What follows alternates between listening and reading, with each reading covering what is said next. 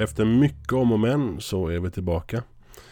Det här har varit en ganska intressant höst. Eh, ni som läser på min blogg vet att jag nyligen eh, skrev ett inlägg om att det varit mycket poddande. Eh, jag var gäst på eh, Smedjan-podden eh, från Timbro med Lars-Anders och Blanche.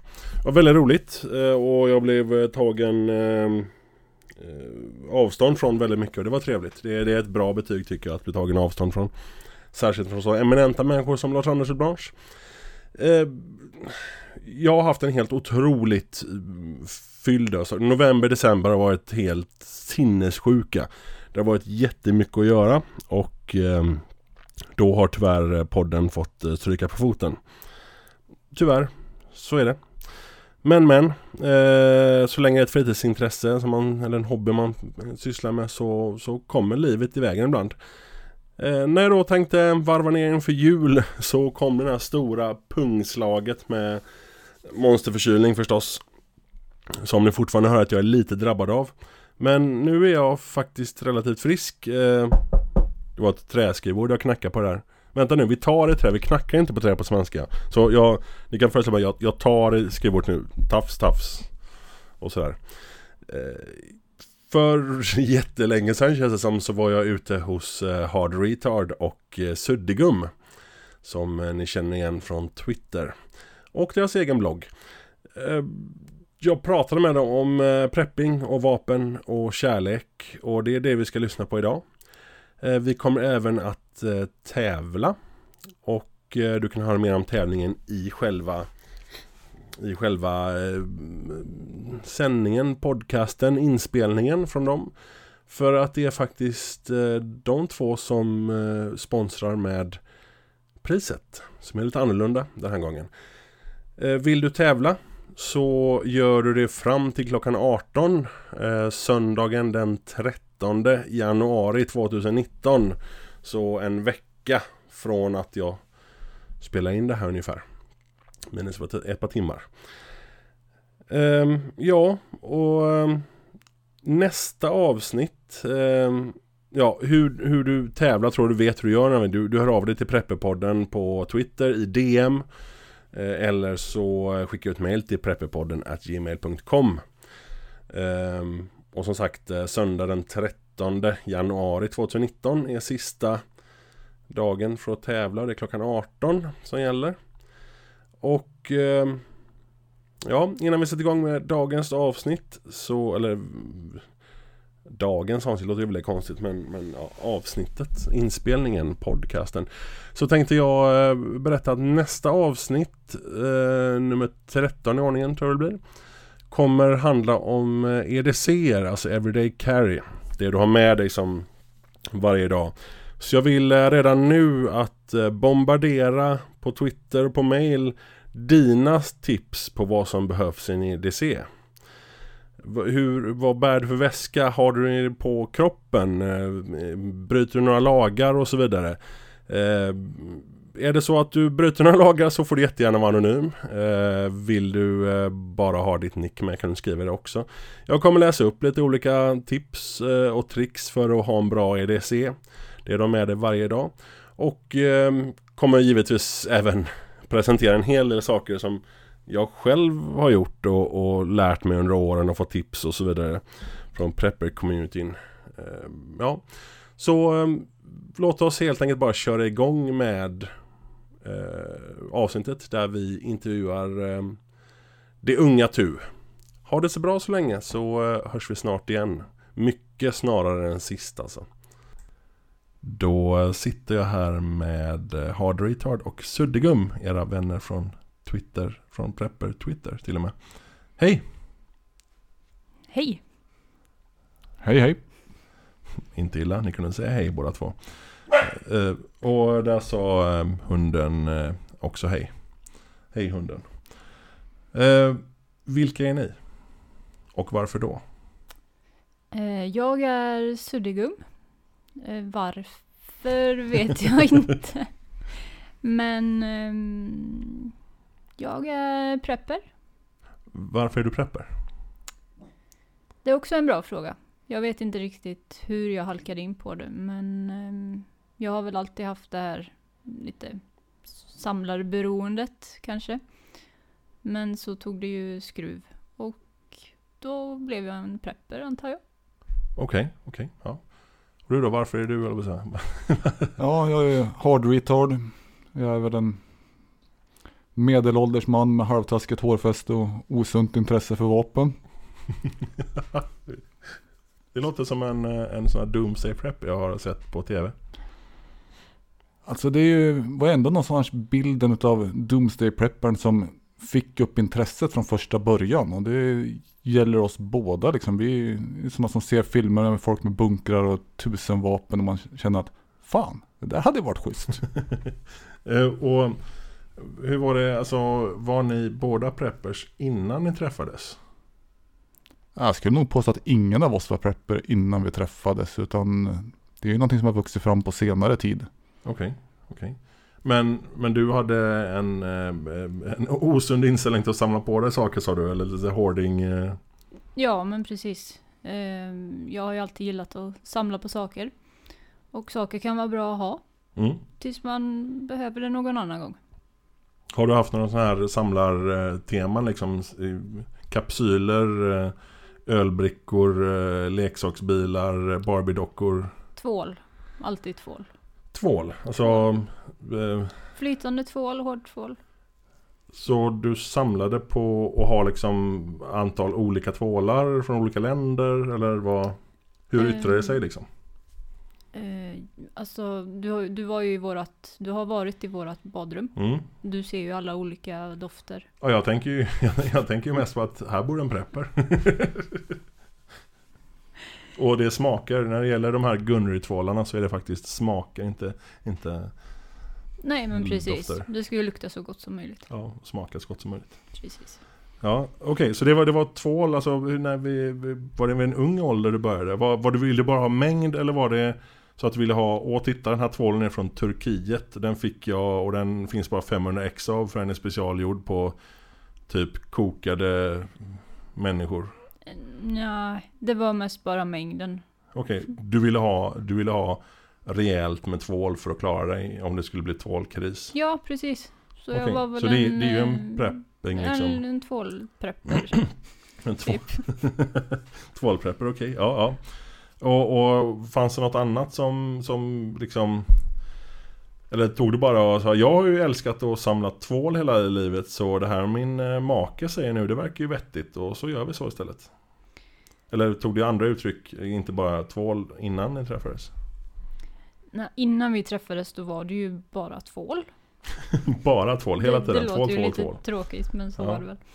Gick runt och jagade extrapriser och sådär. Okej, så du, du, Ehm. ja det är, det är väldigt intressant faktiskt för det är ju lite det man gör nu. Man hittar en bra grej som är bra att ha, som vet håller länge. Och så slår man till och köper massor. Så har man. Ja, men det blev ju så. Och sen min man, han hängde ju på Twitter och jag tyckte ju det var världens dummaste grej egentligen. För det bara plingade i hans telefon hela tiden. Men jag hade ju ett konto där sedan ganska länge som inte var så aktivt. Och eh, jag gick in och tittade och upptäckte det här då, Prepper SE. Mm. Liksom. Och det är klart att man tittar och Så, så tog det en vecka och sen så dissade jag din, din, eh, din fula syltkaka. De, ja, precis. När du skulle göra syltkakor och blev syltkaka istället. Eh, Det går väl till och med om man söker på ditt nick på Twitter och syltkaka så tror man ska hitta den bilden va? Det gör man säkert. Ja, ja. Och jag kan ju säga att den var inte särskilt god heller. Den var inte, inte fin. Men sen dess har du börjat med bakverk. För den som följer på, på Twitter vet att du gör en massa... Jag vet inte riktigt hur du lyckades att gå från typ inte ens kunna göra en vanlig jävla syltkaka som barn kan göra till att göra underbara små bakelser och som är riktigt vackra förutom att de är väldigt, väldigt goda så är de vackra också. Så här konditorkvalitet på dem. Hur, Ja, jag vet inte heller hur jag lyckades. Men jag är ju ganska envis av mig. har du gjort syltkakor som blir bättre sen dess?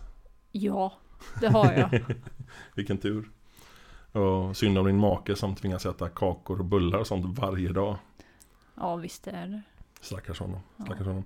Hur eh, har ni eh, sen ni träffades då så har ni båda två liksom blommat ut som preppers. Hur, Du, du sa innan att det var eh, Doomsday Preppers ehm, Alltså det, det var väl, liksom, så. nej, det, alltså det som är att vi, när vi ser sånt på film så vi, reagerar vi inte med att det är idioter utan vi reagerar mer med att så där skulle man ju vilja ha det. Det finns ingen försvarbar anledning till varför vi skulle ha en bunker under huset. Det, är- det är ganska svårt Det- att motivera. Det är Men, för att det är en munker under huset. Alltså, ja, och så ser vi det båda två. Det skulle vara fränt att ha. ja. Och kan man så ska man. Ja, varför inte? Varför inte? Men hur... Eh, eh, hade du någonting som ledde fram till, vad ska man säga, ditt preppingintresse innan som hon hade sin tvål eh?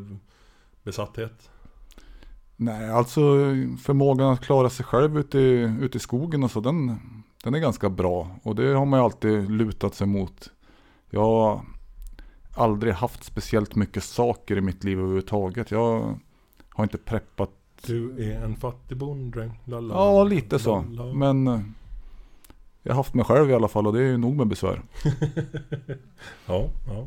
Men sen så såg du på Doomsday Preppers, eller såg ni på det tillsammans? Nej, vi har nog aldrig sett på Doomsday Prepper faktiskt. Utan det är Okej. nog mer eh, filmer av olika sorter när någon... Ni, ni borde ju se Doomsday Preppers. Om inte annat får ni bara sitta så här, herregud vad håller de på med?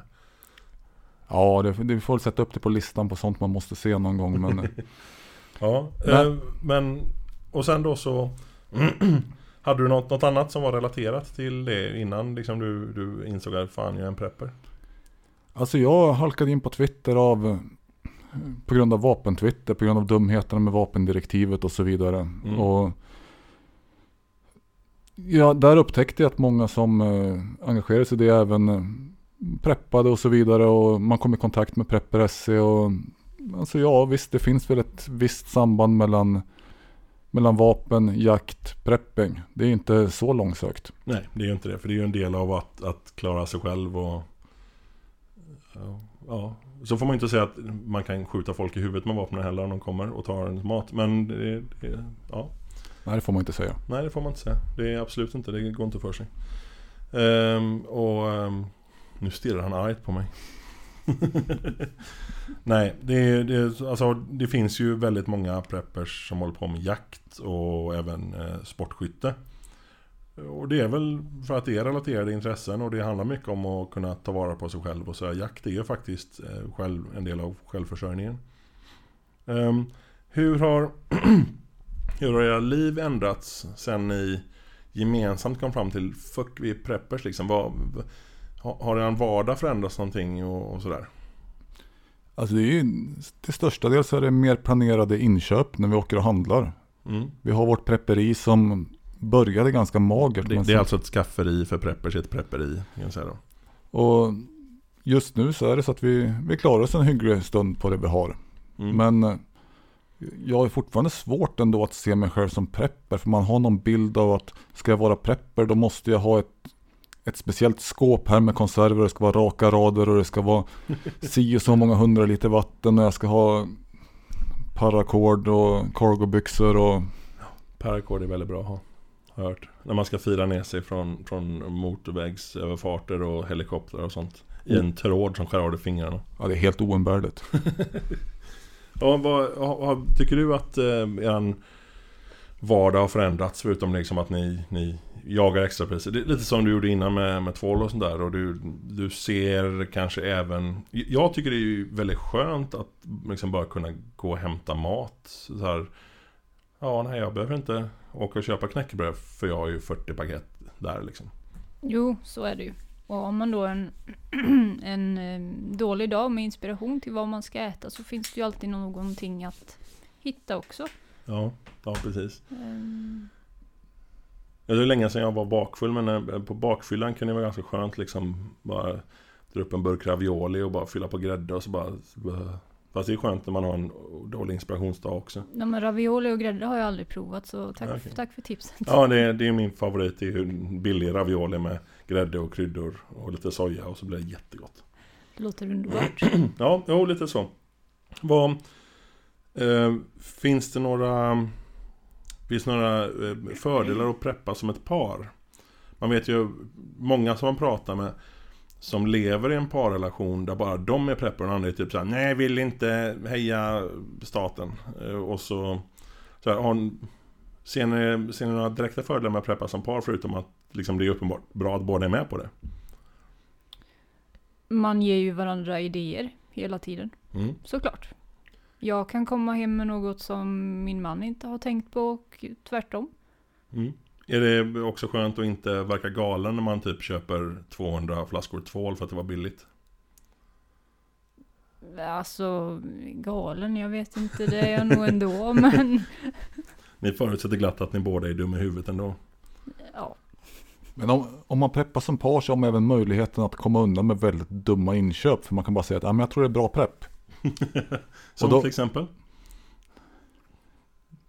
Ja, ammunition i udda kalibrar och sådana saker kan ju alltid vara. Ja, okej, okej, ja. Eh, Och då, då kommer vi in på, på en av grejerna med eh, den här kontroversen som, som hela vänster-Twitter eh, säger om preppers, att alla är vapengalningar och så vidare.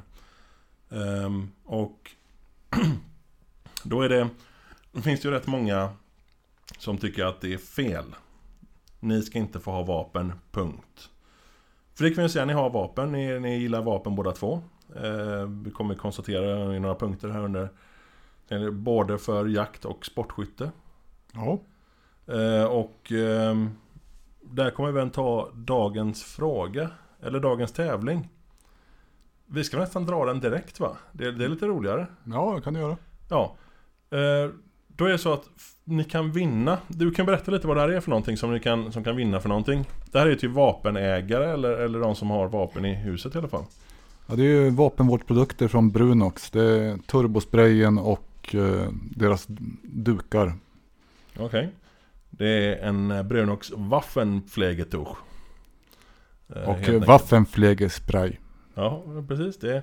Ja, så de här kan ni alltså vinna. Så har du vapen hemma så är det här en tävling för dig. Och för att tävla så skriver du som vanligt eh, DM på Twitter till Prepperpodden. Eller mejla till prepperpodden.gmail.com.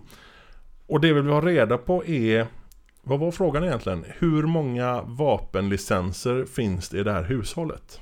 Ja. Det är någonting ni inte på något sätt kan ta reda på. Och de kommer inte svara på frågan på Twitter om ni frågar dem. Utan eh, det är bara att gissa fram. Hur många vapenlicenser, hur många bultar finns det? Hur många vapenlicenser finns det i det här hushållet? För närvarande ska vi säga också. Ehm, och ehm, ja, jag kommer att i eftersnacket säga när sista datum är för den här tävlingen. Annars jag inte riktigt vet exakt när det här sänds ännu. Så ehm, det är alltså frågan är hur många vapenlicenser finns det i hushållet här och eh, du kan vinna Brunox eh, vapenvårdskit kan vi kalla det va? Ja. Ja, precis en duk och en spray. Eh, turbospray till och med. Så, det var tävlingen och den är sponsrad av er. Det var Ja. väldigt trevligt faktiskt, blir man glad. Ehm, slipper jag bli av med ett eh, silvermynt den här omgången. här. Ja, så eh, får ni mycket skit för eran, ert vapenintresse? Jag får ingen skit, ska jag väl säga. Jag brukar inte sk- skriva så mycket vapenrelaterat. Okej, Även om jag kanske vill, men du, du är inte så engagerad i den här vapendirektivet frågan på Twitter och det här dagens vapenbild och allting som har varit? dagens vapenbild, jo, men inte just, inte det andra. Det tar Okej. jag med min man sen i enskildhet, så jag kan verkligen skrika min frustration. så, så du skriker på honom och saker som han håller med om? Precis så ja. det, det låter bra. Mm. Nej, jag tycker inte heller att jag får, får något negativt emot mig. För att, sen går jag aldrig clinch med de, största vapenmotståndarna heller. För att det går inte att argumentera mot någon som bara argumenterar med känslor. De kommer aldrig, aldrig någonsin ta emot fakta. Nej, det är så. Faktaresistenta människor vill väldigt sällan det. Vad eh, eh, tycker du, eh, eller tycker ni ska jag säga, tycker ni att det funkar bra med vapenlicenssystemet idag?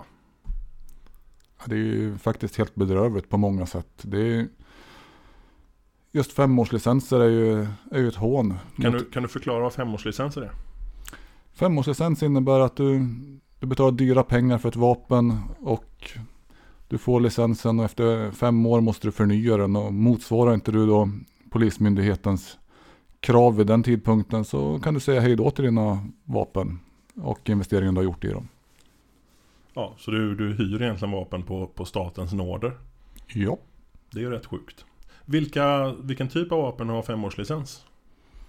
Ja, det är ju en, enhandsvapen, flerskotts och pistoler, revolvrar. Mm, Okej, Eh, som är i stort sett bara för sportskytte va? Ja. Ja, för det är, man jagar inte med Man jagar inte så mycket med pistol. Inte i det här landet. Ja, det gör man i och för sig men inte lagligt. Det jagas mycket pistol ute i de här no-go-zonerna.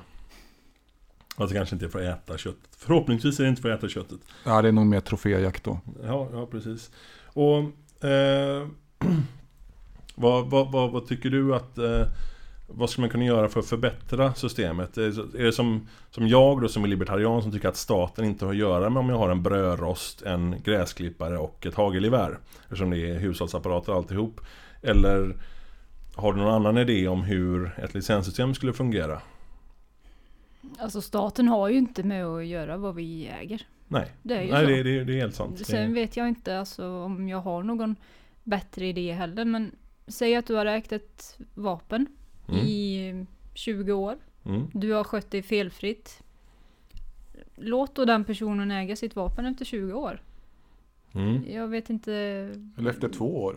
Ja, eller efter två år. Ja. Det spelar ju ingen roll men alltså. Det, det har ju varit mycket snack om eh, bland vapen eh, Vapenivrare låter så hemskt, låter som jag hatar vapenägare men, men de som är för, för vapen, de som gillar vapen Det är mycket snack om att man ska i stort sett få ett eh, vapenkörkort vill säga att den här personen är okej på att hantera vapen av gevärstyp eller av pistoltyp och därför ska man ha liksom som en motorcykel eller bil på ett körkort så har man en, en, en siffra eller bokstav och så ska man kunna köpa 300 pistoler om man vill på det här. Och när, när kommer körkortet för att få ha barn då? ja, det, det, det borde, ju man, det borde komma före. Ja, det, det är fruktansvärt dumt. Men om, om ni jämför med hur det är nu, skulle det vara en förbättring? Det skulle vara en otrolig förbättring om det kunde hända. Okej, ja. För, för det är ju tyvärr så att även om vi alla tre tycker att staten inte har med skiten att göra så, så kan man inte bara, nej men eh, köp fritt för då, då blir det galet. Tyvärr. Så, så om man släpper på allting får man göra det liksom stegvis. Skulle det vara ett bra första steg? Ja, det skulle vara, det skulle vara ett, ett steg åt rätt håll i alla fall. Ja. Så att man har en licens att inneha vapen snarare än att man har en licens på varje vapen. Ja, Ja, okej. Ja men det är, det är intressant. För det, det tycker jag skulle kunna vara en, en bra mellan... du behöver inte ens körkort för att köpa en bil som du kan Nej. köra ihjäl någon med. Nej, precis. Och man behöver definitivt ett körkort för att stjäla en bil och köra ihjäl någon med. Eh, Samtidigt som man super på stulen sprit eller har skjutit heroin eller något annat intelligent. Det är, fast i och för sig, spriten kan ju vara välbeskattad och heroin är det inte. Eh, Men eh, ni, ni, ni sysslar med, med både eh, sportskytte och ni sysslar med jakt. Får jag fråga då, vad jagar ni helst och mest? Vad är, vad är roligaste typen av jakt? Eh, småviltsjakt tycker jag. Okej, och det är då hare, rådjur, är det småvilt? Ja. Okej. Eh, vi, vi har ju en tax. Mm. Och hon, hon jagar ju. Ja, Och det är alltid kul att se hunden jobba. Ja okej. Så då, då är, är det sån här pang och sen eftersök eller är det skicka iväg för drev eller hur, hur använder ni? Det är både drevjakt och eftersök. Ja, okej. Okej. Och så småvilt, är det allting upp till um, ekorre? Tänkte säga allting upp till, jag menar självklart rådjur i storleken eller? okej, nu bröt hon ihop. Ja, men det, stä, det stämmer bra. Det är okej att skratta på inspelningen, det får man göra. Ja. Så, ehm, och storvilt är då hjort, eh, älg, Eller, eller högvilt. ja, högvilt. Så är det, men det är inte lågvilt då. Det är småvilt och högvilt. Ja, jag, jag tror det är korrekt benämning i Ja, alla okej, fall. coolt, coolt. Så, eh, och du då? Gillar du, vad, vad är din föredragna jakt? Jag gillar bara att sitta i min ensamhet i tystnad och kommer det något så har jag valet om jag ska skjuta eller inte och ja, ingen stress. Jag behöver inte ha en hund med. Jag vill bara sitta för mig själv i skogen med en, med en termos kaffe och ett vapen och bara må bra. Det är norrländska... Du, du saknar lite Norrland där. Ja, kanske lite. Ja, men det, vad, vad äter ni helst? I, i, i form av eh, vilt. Vad, vad är det godaste? Vad är det godaste köttet? Alltså en älgfilé är jävligt svårslaget. Ja, Ja, men vildsvin är ju bra det också. ja okej. Och Ja. tjäder. Tjäder? Ja, visste jag faktiskt inte man åt, men okej. Det kanske man gör. Ja, jag gjorde det en gång Ja, i okej. alla fall. Ja, äter man grävling? Det är nog inte så vanligt i dagens samhälle men de gjorde väldigt mycket förr tror jag. Ja, okej. Det var synd att de inte åt mer, för de är jävliga. De luktar Hår, illa håriga också. räkor liksom. Mm. Eh, luktar illa också. Det, det, är inte, det är inte bra alls. Ja, så... eh, eh, är mycket av ert eh, årliga... Eh, er årliga köttförbrukning, är det mycket av det från egen jakt? Delvis är det från egen jakt men det är Självklart köper vi en del också. Vi har inte enorma jaktmarker och vi försöker inte skjuta mer än marken bär också så att då, då räcker det inte till till en hel konsumtion.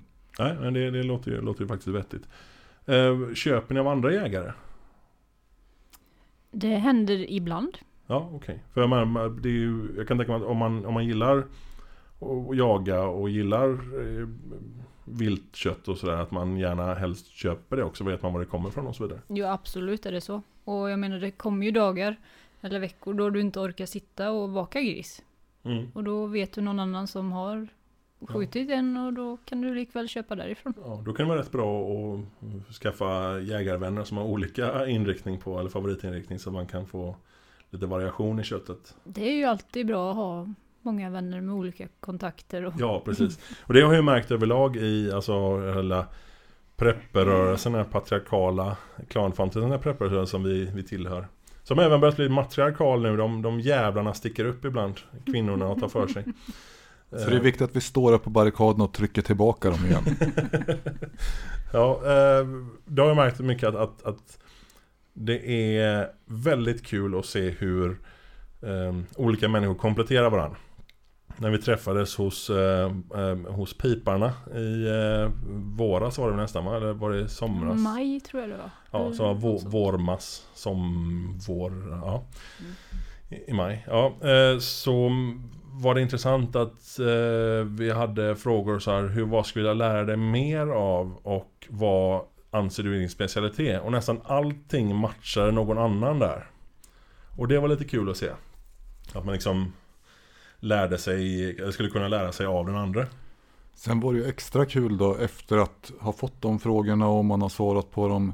Att andra prepper som man tidigare bara har pratat med lite grann på Twitter kommer fram och ställer frågor och frågar exakt vad det är man vill lära sig mer om och kommer med råd och tips direkt.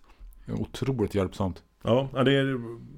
Och jag känner att man kan ju faktiskt inte bara inom prepperrelaterade ämnen utan man kan fråga i stort sett vad som helst för alltid någon jävel som kan mycket om det. Det är, det är rätt roligt faktiskt. Det är, det är någonting jag inte... Och den generositeten som finns mellan preppers har jag inte träffat i någon liksom form av, av klick eller sammanhang som har umgåtts innan. Det är, det är fascinerande faktiskt. Är, Preppers är ju väldigt kärleksfulla. ja, det Det är är, så. prepping är kärlek. Ja. Precis. Vad... Ja, sportskytte då? Är är det en kul hobby? Är det övning för det stora kriget? Är det bara... eh, Kan man tillgodogöra sig det när man, när man eh, jagar? Eller var, varför... Vad är det som är kul med sportskytte? Alltså all, allt skytte är roligt. Allt skytte är bra skytte. Mm. Och eh, självklart har jag jävligt liten hjälp av att eh, bränna 5-10 tusen skott pistol varje år när jag ska skjuta ett rådjur med gevär. Men ju mer man tränar på skytte i alla former desto bättre blir man på skytte och desto bättre jägare blir man. Okej. Så är det eh, säsongsbetonat sportskytte? Ja tyvärr är det ju det. Det är ju det är ju inte lika mycket skytte på vintern. Det finns inte så många inomhusbanor eh, om jag förstått det rätt. Nej, inte just här i alla fall. Men det, det finns inomhusbanor men då är det ju en kostnadsfråga också. Ja, ja precis. precis. Eh, och ni håller på med sportskytte båda två? Jag skjuter när jag hinner och känner för det. Ja, Okej. Eh, vad, vad är era favoritvapen att sp- sportskjuta med? Säger man? Nej, så kan man inte säga. Men att utöva sportskytte med. Vad är, vad är favoritvapnet då? Vad liksom, när ni känner, när ni tänker på så här. Nu ska jag ha en sån här härlig dag på skjutbanan. Och då vill jag ta upp den här och panga satan med. Alltså, alla vapen. alla vapen, alla vapen, skjuta så All, mycket som all, möjligt. alla på en gång de ska skjuta. Okej, ja. Har, vad, vad tycker Nej, du? jag, jag instämmer i svaret. Alla är roliga. Okej, okej. Det, det går inte att säga någon specifik. Skjuter ni, eh, skjuter ni mycket med eh, era jaktvapen? Eh, eller skjuter ni, alltså Skjuter ni lika mycket med era jaktvapen som ni skjuter med icke-jaktvapen? Eh, när, ni, när ni skjuter bara så? Alltså, ja, man håller ju uppe den här träningen med jaktvapnen. Mm. Det gör man ju. Och jag skjuter nog mer pistol just nu än jaktvapen, tyvärr. Okej. Alltså nackdelen är ju att ska du skjuta 10 000 skott om året med jaktvapen. Då behöver du nog fan en sponsor för ammunitionen för att det Det är mycket billigare att skjuta en liten plonk... Eh, Ja, alltså 2 kronor skottet mot 10 kronor skottet är ändå ganska stor ja, skillnad. ja, precis. Om, om någon är intresserad av att eh, börja jaga eller börja med sportskytte, vad, vad ska de göra då? Hur ska de... Vart ska de vända sig? Alltså de kan ju börja med att låta Google vara en vän. Ja, För det, om, man, om man gör så då, då är det ganska lätt att hitta någon klubb. Och vad ska man googla på? Pistolskytte och orten där man bor är en Mm. bra start. Mm. Bor man i Stockholm kanske man inte ska söka på just Stockholm. Alltså, Skjutning och Stockholm kan man söka på då. ja, men pro- problemet är ju att här i krokarna där vi bor så är det ingen väntetid för att få börja skjuta pistol. Du kan, vissa klubbar kan ha att man får vänta till nästa terminstart men vissa har löpande intag. Mm. Det är väldigt lätt att komma igång här. I, i Stockholm vet jag att det finns väntetid på år på vissa ställen och man ska, man ska ha rekommendationer och så vidare. Brukar det vara samma klubbar eller samma människor som skjuter eh, gevärsskytte då heter det väl? Eh, det övriga. Eller är det helt andra människor och klubbar? Alltså vår klubb skjuter ju både, både pistol och gevär men det är ju Det är ju inte det här dynamiska gevärsskyttet utan det är ju det här 50 meters skyttet med liggande och knästående stående med Mm. 22 gevär. Okej. Så om man är intresserad så ska man titta på pistolskytte, gevärsskytte, i stort sett på sin ort, googla runt lite och, och sådär. Googla på närliggande orter. Bara prova skriva orter, random orter i närheten och ordet pistolskytte. Ja, och jag som då nu i november ska eh, gå kurs för jägarexamen, är det också någonting som är bra? Jägarexamen är jättebra. Vad, vad innebär en jägarexamen? Vad, vad får man, får man börja skjuta massa saker eller vad, vad, vad gör man då? Ja, alltså, jag, jag, jag vet ju svaret men jag vill ju utbilda du, lite här. du får ju lära dig mycket om eh, naturen och djuren givetvis. Mm, Och säker vapenhantering. mm, Ehm, Sen har du ju prov du skriver. ja. Teoriprov. Det är ju det du som är själva jägarexamen. Ja, Då har man ju liksom, man har rätt till att göra uppskjutningar med vapen. Då. Uppskjutningar, precis. Ja. Sen ju- uppskjutningar är alltså inte som att göra med en raket utan det är som en uppkörning med bil man får skjuta. Ja, fast det hade ju varit roligare med raket i och för sig. Ja, Ehm, sen har du ju två uppskjutningar, hagel och... eh, Tre. Ja, tre, förlåt. är det hagel och så är det kulgevär. Gr- grundprov, kula och högviltsprovet. med Ja, även kallat älgprovet va? Ja. Ja. Ja, precis precis. Det, är- ja, för det, det är ju inte jättedyrt heller. Eh, om man tar det via eh, Medborgarskolan eller friluftsfrämjandet, nej vad heter de, studiefrämjandet eller sådär. De har lite olika varianter. Jag är ganska nöjd med den jag hittar för att väldigt många av de billigare kurserna, för du kan ju ta en sån här, du åker iväg en helg till någon Florida herrgård och får massa god mat och betala typ 10-15 tusen. Eller så kan du ta med, med Medborgarskolan och då träffas ni tre timmar på tisdagar 15 veckor i rad. Eller så. Ehm, och jag hittade något mellanting med Det var väl Medborgarskolan tror jag kanske. Eller om det var Studiefrämjandet. Jag, jag vet inte, någon av dem. Eh, där eh, det var en fredagkväll och vad var det, sex timmar tror jag på lördag och på söndag. Sen så två veckor senare så var det sex timmar på lördag och söndag igen och det kändes rätt bra faktiskt. Och då, men då var det ingen skjutning utan det var bara själva jägarexamen. Men mellan där då så ska man tydligen få rätt bra eh, kontakter. Man kan, eller personer man kan kontakta eller klubbar för att, för att övningsskjuta en hel del.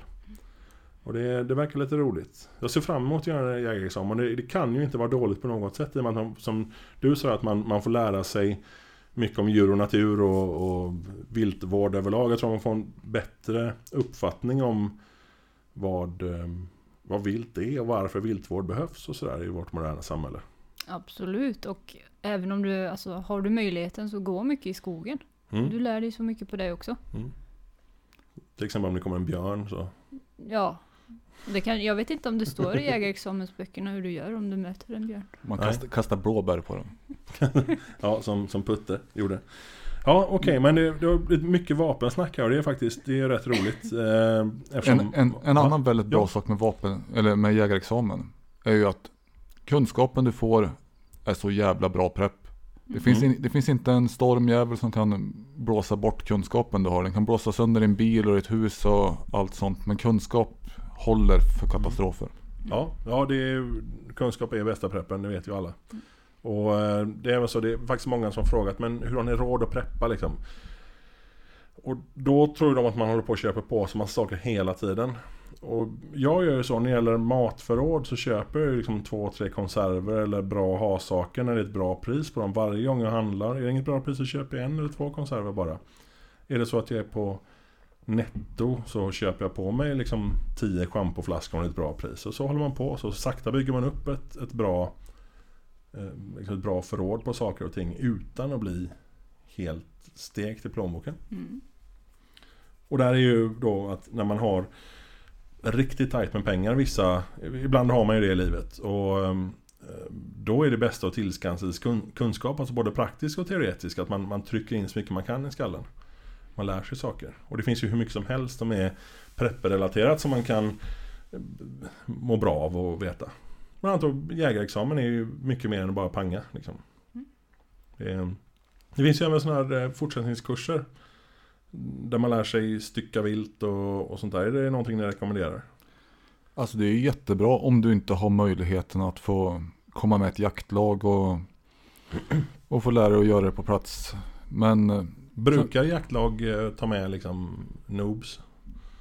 Det är nog väldigt olika på olika delar av Mm. landet och jakt kostar tyvärr ofta väldigt mycket pengar. En Mm. plats i ett jaktlag, det är ingen konst att det ligger på över 10 000 kronor per år. Det är lite galet. Ja, men eh, Man får sitta i ett torn och hålla käft och vara sig själv för en stund. ja, det, är ju pris, det är ju prisvärt. det är värt det ja. Ja. ehm. Och då, apropå kunskap där, så vad, vad är bästa preppkunskapen enligt er? Vad är den absolut bästa kunskapen man kan tillskansa sig som prepper? Eller prepping-relaterat? Oj, ja det var, var riktigt svårt. Ja. Ja, men att kunna orientera är en kunskap som fan är så bra. Menar du att kunna ta sig fram och veta var man är? Eller Ja, specifikt springa runt i, i tajta Ja, kläder i skogen? Nej, du behöver inte springa just i skogen med tajta kläder och leta kontroller som hänger. Men lära sig en karta och förstå den? ja, och kunna ta en kompassriktning och Mm. kanske kunna ta en... eh, Kunna hitta nord och syd i naturen på utan kompass. Naturliga vägar, typ Ja. med mossa och myrstackar och skit. Eller en vanlig klocka.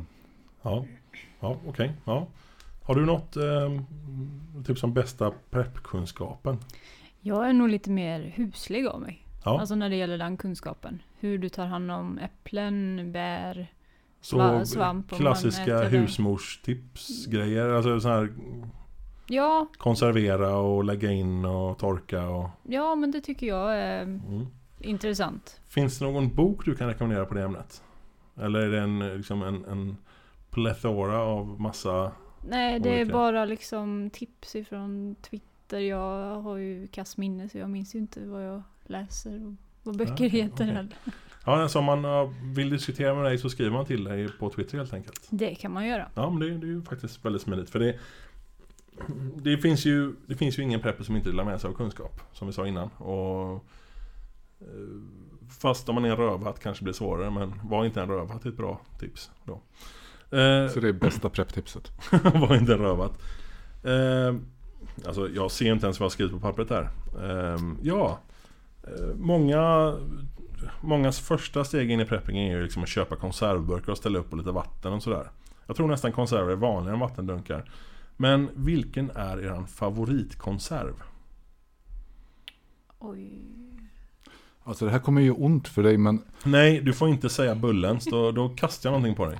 Alltså Bullens är ju den konserv jag roterar mest. För att jag äter nog en burk varannan var tredje vecka kanske. Du är en smutsig människa. Jag avskyr dig.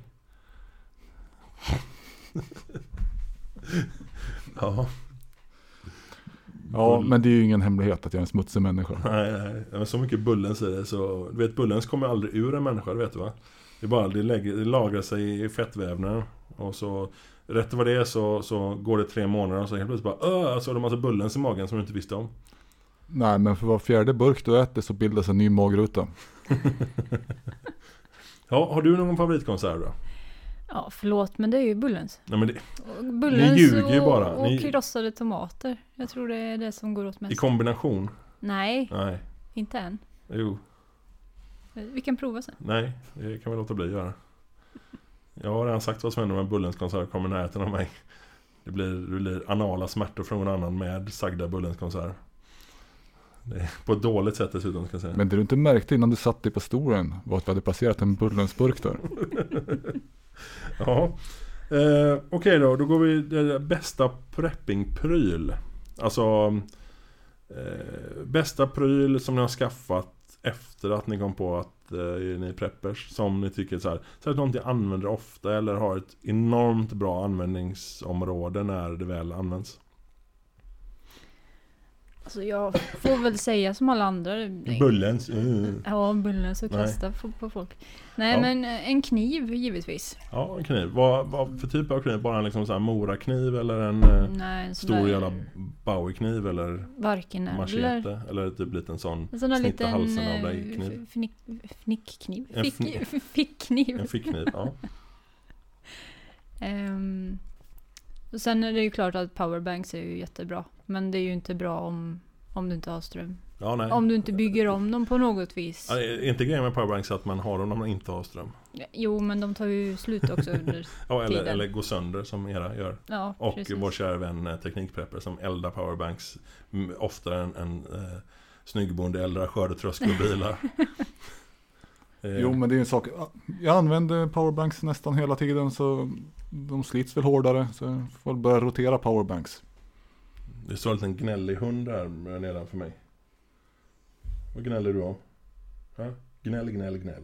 Du vet vad hon vill. Ja, jag vet vad hon vill och det är ingenting jag kan stå till tjänst med för jag är inte en hanhund.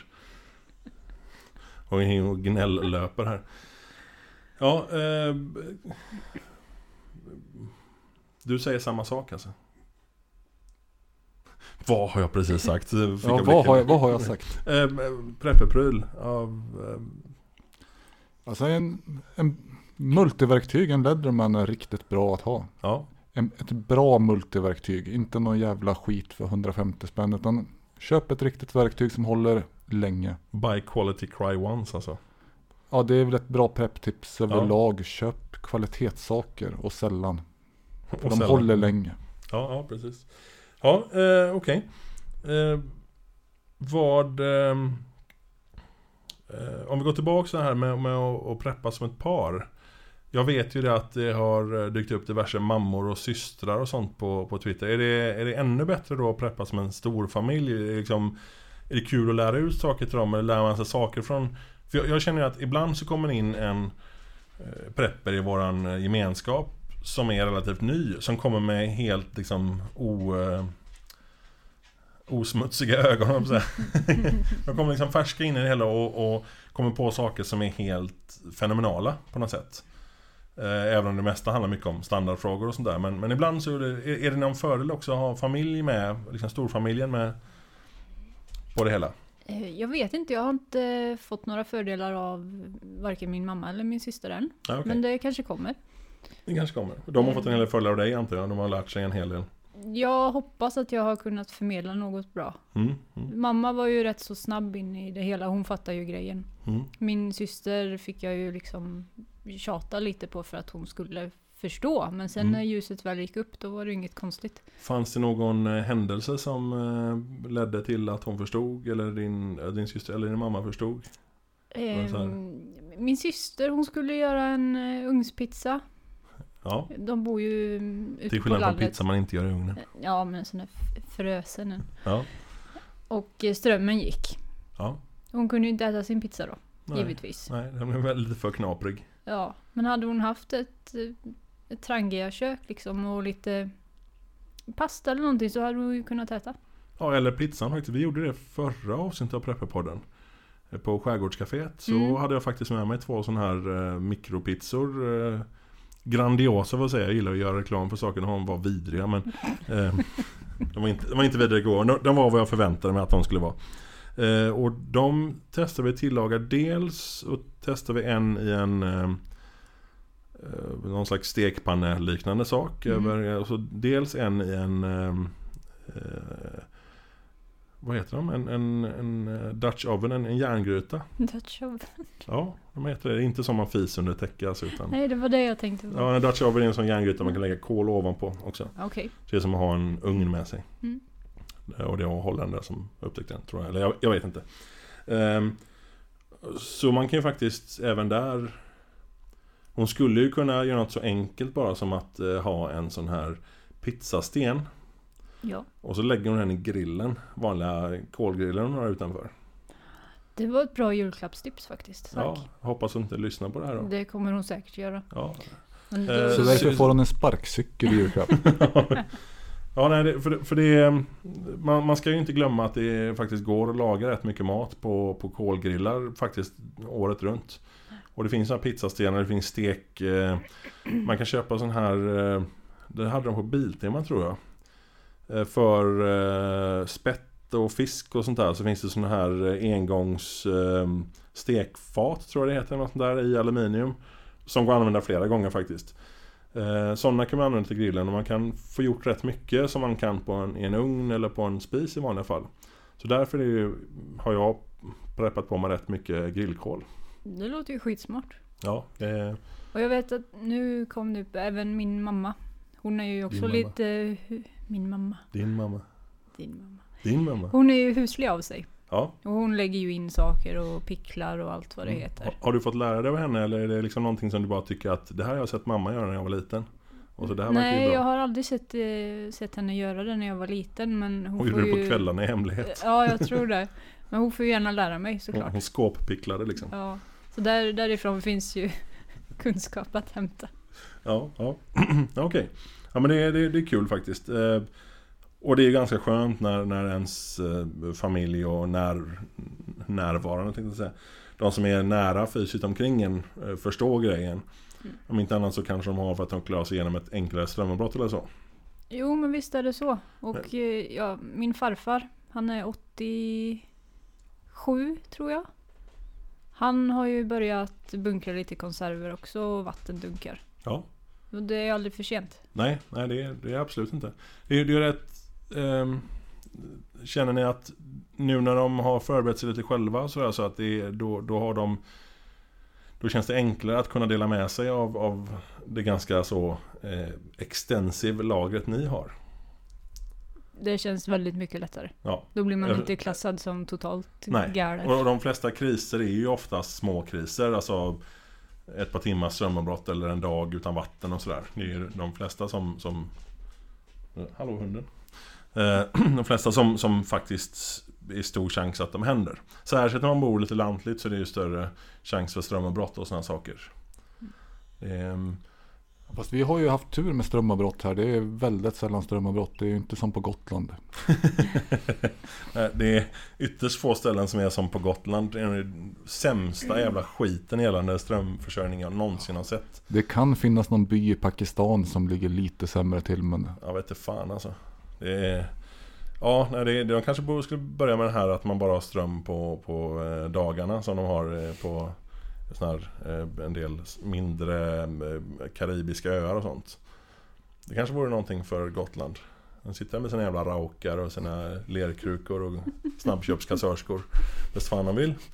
Eller så kunde de ju bygga ett jävla kärnkraftverk på ön och, och så, här, så nu har vi ström, fuck you Sverige-jävel och så Ska de sitta med sina rakar och snabbköpskassörskor och så vidare. finns det Finns det något inom Ja Finns det något innan prepping som, eh, som ni brinner för? Alltså, ehm, så fort prepping kom på tal så börjar ni prata om det här med, eh, ehm, med, med andra personer. Alltså det är ert favoritämne inom prepping. Det är, har ni någon sån grej som ni verkligen brinner för? Alltså det finns ju ingen så här specifikt att eh, om någon tar upp prepping och säger du måste ha ett sånt här gevär eller du måste ha 100 liter vatten. Även om 100 liter vatten är, 100 liter vatten. 100 liter vatten är en bra gräns. Men vatten, vatten tar man väl ofta upp som ett behov för folk. Mm. Det är ju egentligen det första behovet. Så. Och sen se till att ha kontanter hemma. Mm. Det är så jävla många idioter som tror att kortbetalning alltid kommer funka. Och Trots att den funkar inte ofta, alltså flera gånger i månaden så går kortbetalningen ner, Swish går ner och så vidare. jag hade en fantastisk kollega som förklarade att Swish funkar även vid strömavbrott. Jag vet inte hur han fick ihop det men Det, det känns lite som de människorna som hävdar jag vill ha kvar min eh, fasta telefon för den funkar när strömavbrott. Och de vägrar gå med på att eh, det faktiskt inte gått kopparkabel fram till deras skåp nu på 10 år. Så den kommer fungera jättebra ända fram till skåpet ute på gatan. Ja fast den här killen är ju så ung så att han har aldrig sett en koppartråd. Nej inte en fast telefon heller troligtvis. Nej. Har, har du någonting du brinner för som du gärna liksom pratar om? Eh, eh, eh, evangeliserar om?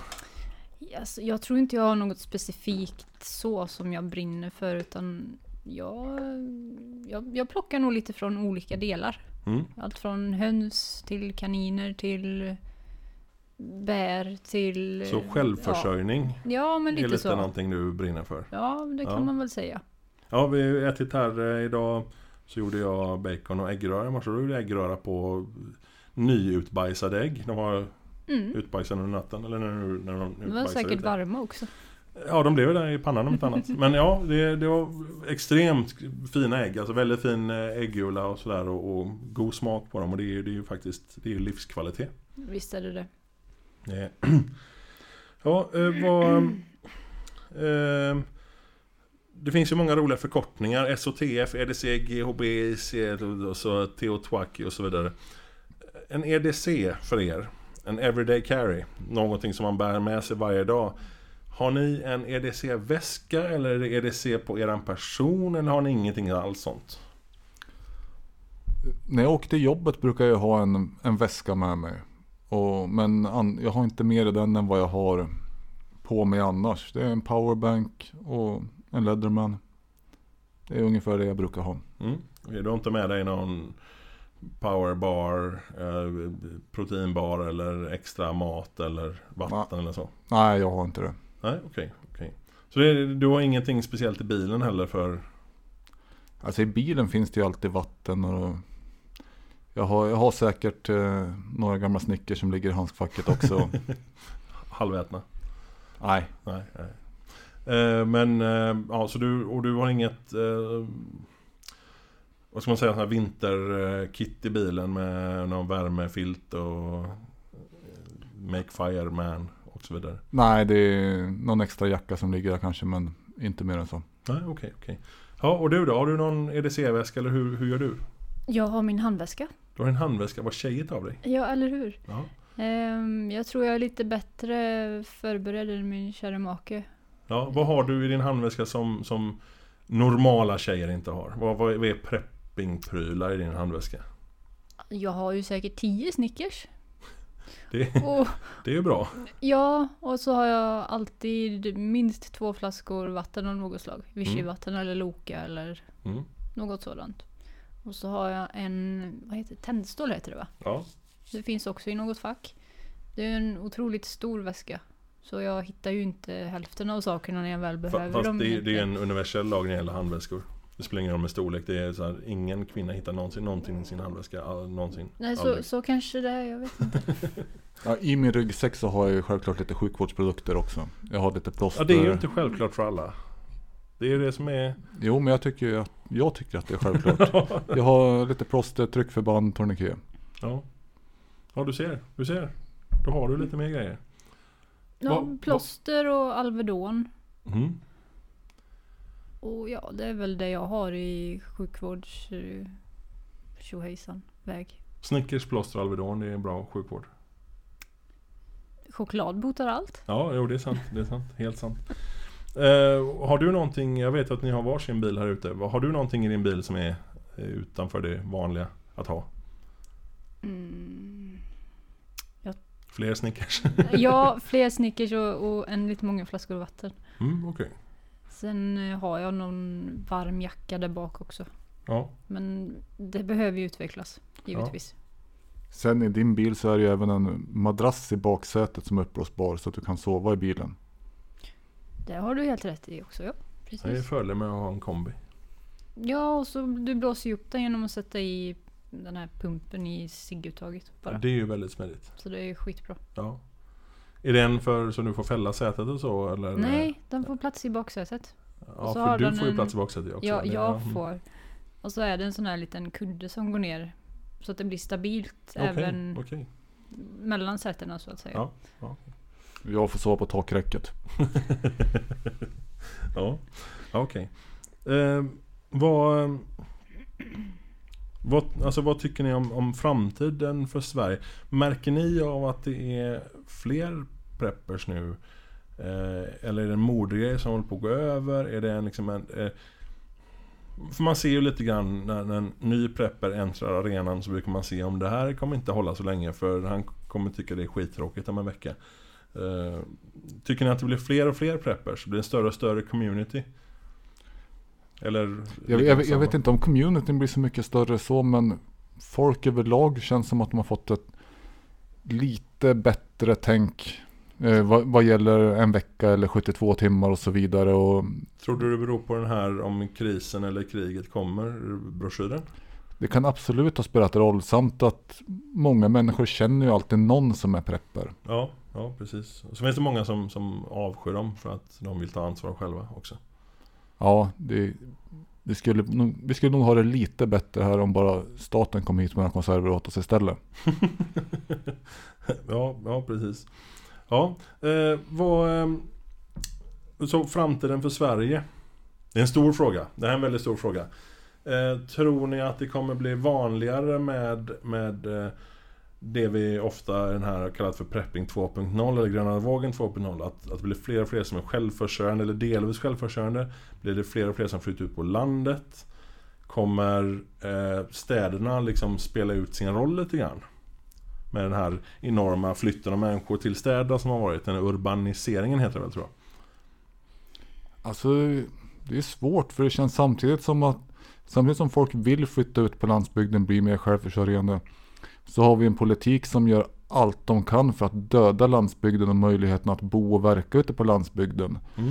Så eh, vi har ju någon miljöpartistisk drömscenario av att alla människor är miserabla i städerna. Vilket är väldigt konstigt för det är ett extremt eh, miljöovänligt sätt att bo och leva. Ja, men så länge du kan köra hit alla varor med båt så är de nöjda. Ja, eller som i att de skulle gå med tunnelbanan på nätterna. eh, Fick jag höra också. Ja, Det är väldigt, väldigt intressant. Ska man ha sån här statlig eh, eh, fördelning, alltså någon slags statlig utdelningshiss som går upp? Är rätt upp i ens bostad eller vad?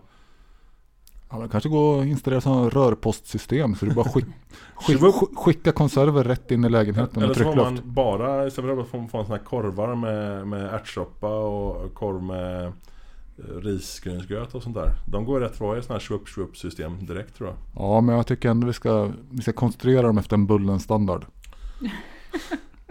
Men Bullens burkar är ju eh, ganska så stora. Det är en av standard konservburkstorlekarna. Ja, men då är det den vi ska utgå från. Det låter lite sovjetiskt av det tycker jag. Eh, ja, eh, var på nätet hittar man det bäst om vi diskuterar? Jag antar att det är Twitter. Alltid Twitter. Alltid Twitter. Och där heter du Suddegum och där heter du H understreck retard va? Ja, det stämmer bra. Ja. ja. Eh, och eh, så vitt jag vet så är ni öppna för eh, konversationer med folk som frågar. Så har ni en fråga så bara ställa dem. Eller skicka ut dem på prepper.se, alltså hashtaggen prepper.se. Så är alltid någon som snappar upp det. Absolut. Ja. Ja, ehm, då har vi den här lilla roliga som idag får heta pest eller kolera. Som är ett gäng frågor. som ni nog måste välja och ni kommer få motivera varför ni väljer det. Då är det första frågan är slut på ris eller pasta när the shit hits the fan? Ja, jag har ju hellre slut på ris för att det äter jag inte lika mycket som pasta så att Det var inte svårt för dig. Nej, jag säger samma. Slut på ris. För det är ett jävla otyg egentligen tycker jag. Är ris jävla otyg? Svårt att få upp på gaffeln. Ja. Och om jag äter tillräckligt mycket ris så är risken att jag blir ungefär en halv meter kortare och gul i hyn. Det tror jag inte är sant. Jag tror inte det är därför asiater ser ut som de gör.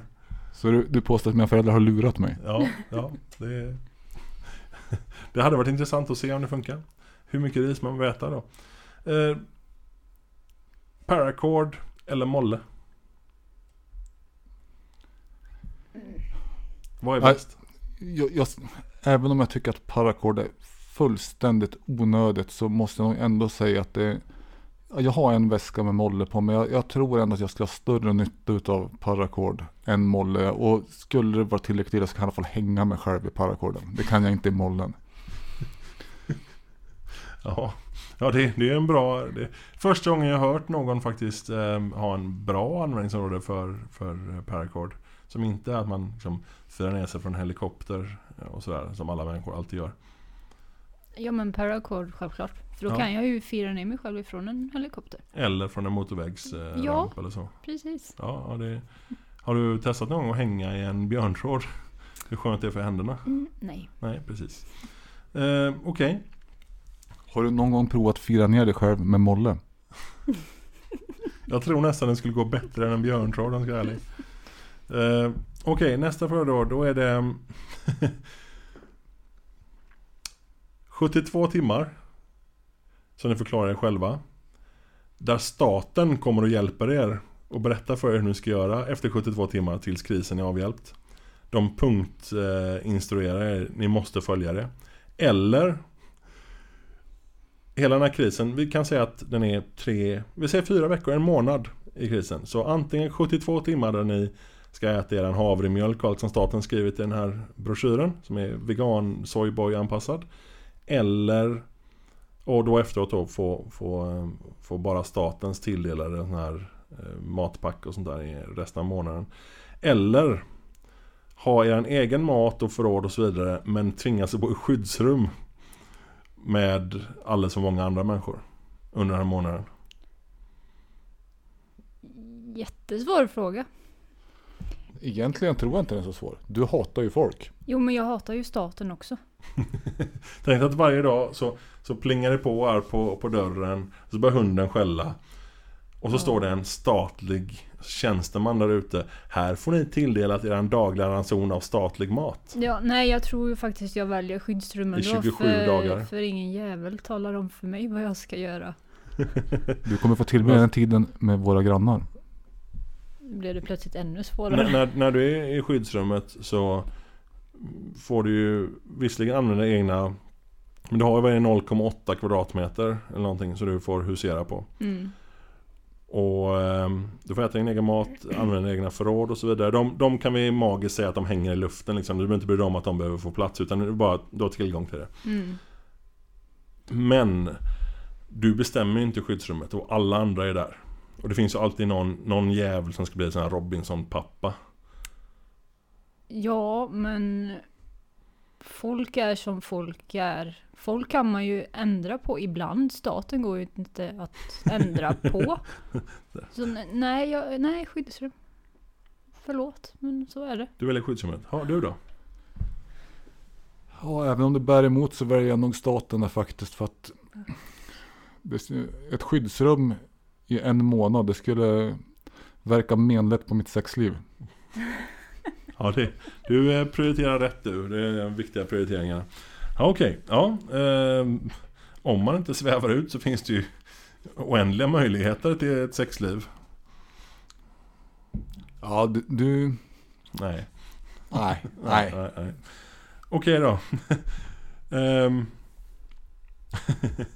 det är bra. Kollektivtrafik varje dag och det tänker jag är det värsta ni kan tänka er med kollektivtrafik. Det är parfymkärringen, det är obestämbara skrevdoftgubben, det är kaxiga kaosblatten, det är tonårstjejerna med tomt prat. Du får inte ha lurar på dig. Du måste lyssna på alla. Du måste ta i alla stolpar på bussen, eller vilken kollektivtrafik det nu är. Du måste alltså emerga dig fullständigt i kollektivtrafiken. Kollektivtrafik varje dag i ett år. Eller ta alla beslut baserat bara på känslor. I ett år.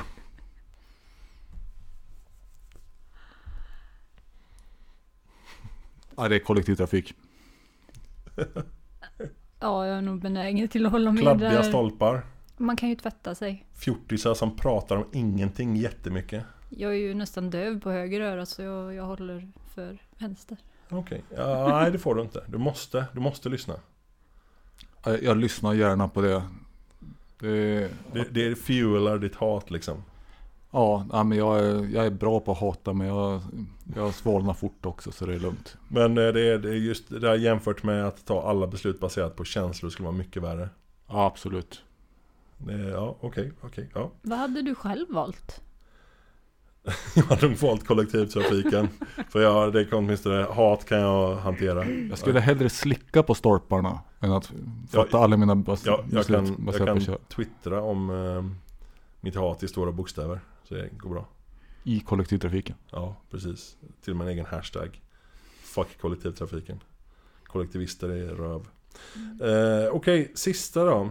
Eh, slut på fungerande vapen och ammunition.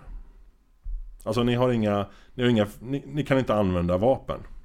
Det här är under en, en, eh, en kris. Eh, ni har slut på fungerande vapen eller ammunition. Eller mat. Ni har ingen tillgång till mat, ni har inte tillgång till, till höns, eh, alltså äggen från hönsen, ni har ingenting ni har odlat, ni har inget förråd. Slut på mat. Du har hellre fungerande vapen och ammunition. Ja, Ja, det finns djur i skogen. okej. Men om alla andra är där och Men man Så har vi vapen. Ja, precis. det finns... Och, och det finns fisk i sjön. Okej. Ja, fiskespö är ju... Ja, mm. Okej.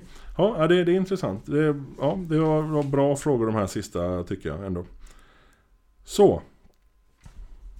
Nu är, nu är, mina, papper, nu är mina papper klara här. Är, har, har ni någonting ni vill tillägga? Har ni något bra råd att, att dela med er till, till ehm, blivande eller ehm, aspirerande preppers? Vad är, vad, är, vad är viktigt att säga till dem? Att eh, köp vattendunkar innan ni köper paracordarmband. Och vad för vattendunkar? 10 liters. Från? Biltema. Det är det ständiga svaret, ja. Okej, vatten innan paracordarmband. Och eh, något mer? Har du något? Eh? Nej, Alltså inga, inga frågor är för dumma. Nej? Liksom, vi finns på Twitter om, om någon av någon anledning skulle vilja fråga någonting. någon, någon, Okej, ja. ja. Det, det tycker jag är jättebra. Eh, så, eh, ja.